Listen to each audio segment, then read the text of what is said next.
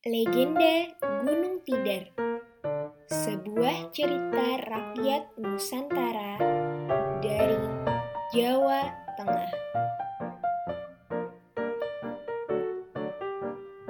Pada zaman dahulu kala Ada sebuah gunung bernama Maha Meru Letaknya di ujung timur Pulau Jawa. Gunung Mahameru amat besar, sehingga daerah ujung timur Pulau Jawa tak mampu menahan beratnya. Akibatnya, daerah di sekitar timur Jawa miring dan tenggelam ke laut. Sebaliknya, daerah di ujung barat Pulau Jawa justru terangkat naik.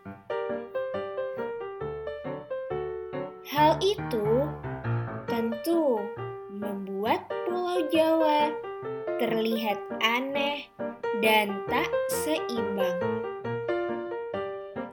Karenanya, para dewa yang dipimpin oleh Batara Guru memutuskan untuk memindahkan Gunung Mahameru ke daerah barat. Jadi, pada hari yang ditentukan, para dewa mengangkat gunung itu. Lalu mereka terbang ke arah barat. Namun, tanpa mereka sadari, puncak gunung itu jatuh dan menjadi Gunung Semeru. Para dewa terus terbang ke barat. Selama perjalanan, sedikit demi sedikit bagian gunung itu jatuh, sehingga menyebabkan terbentuknya deretan gunung-gunung baru. Saat para dewa melintas di tengah-tengah Pulau Jawa, mereka baru menyadari bahwa gunung yang mereka bawa tinggal sedikit. Lalu mereka memutuskan untuk menghentikan perjalanan.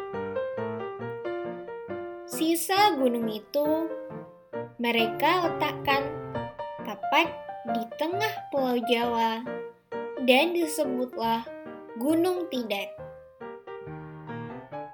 Letaknya tepat di tengah itu telah membuat Pulau Jawa menjadi seimbang, tidak miring ke timur ataupun miring ke barat.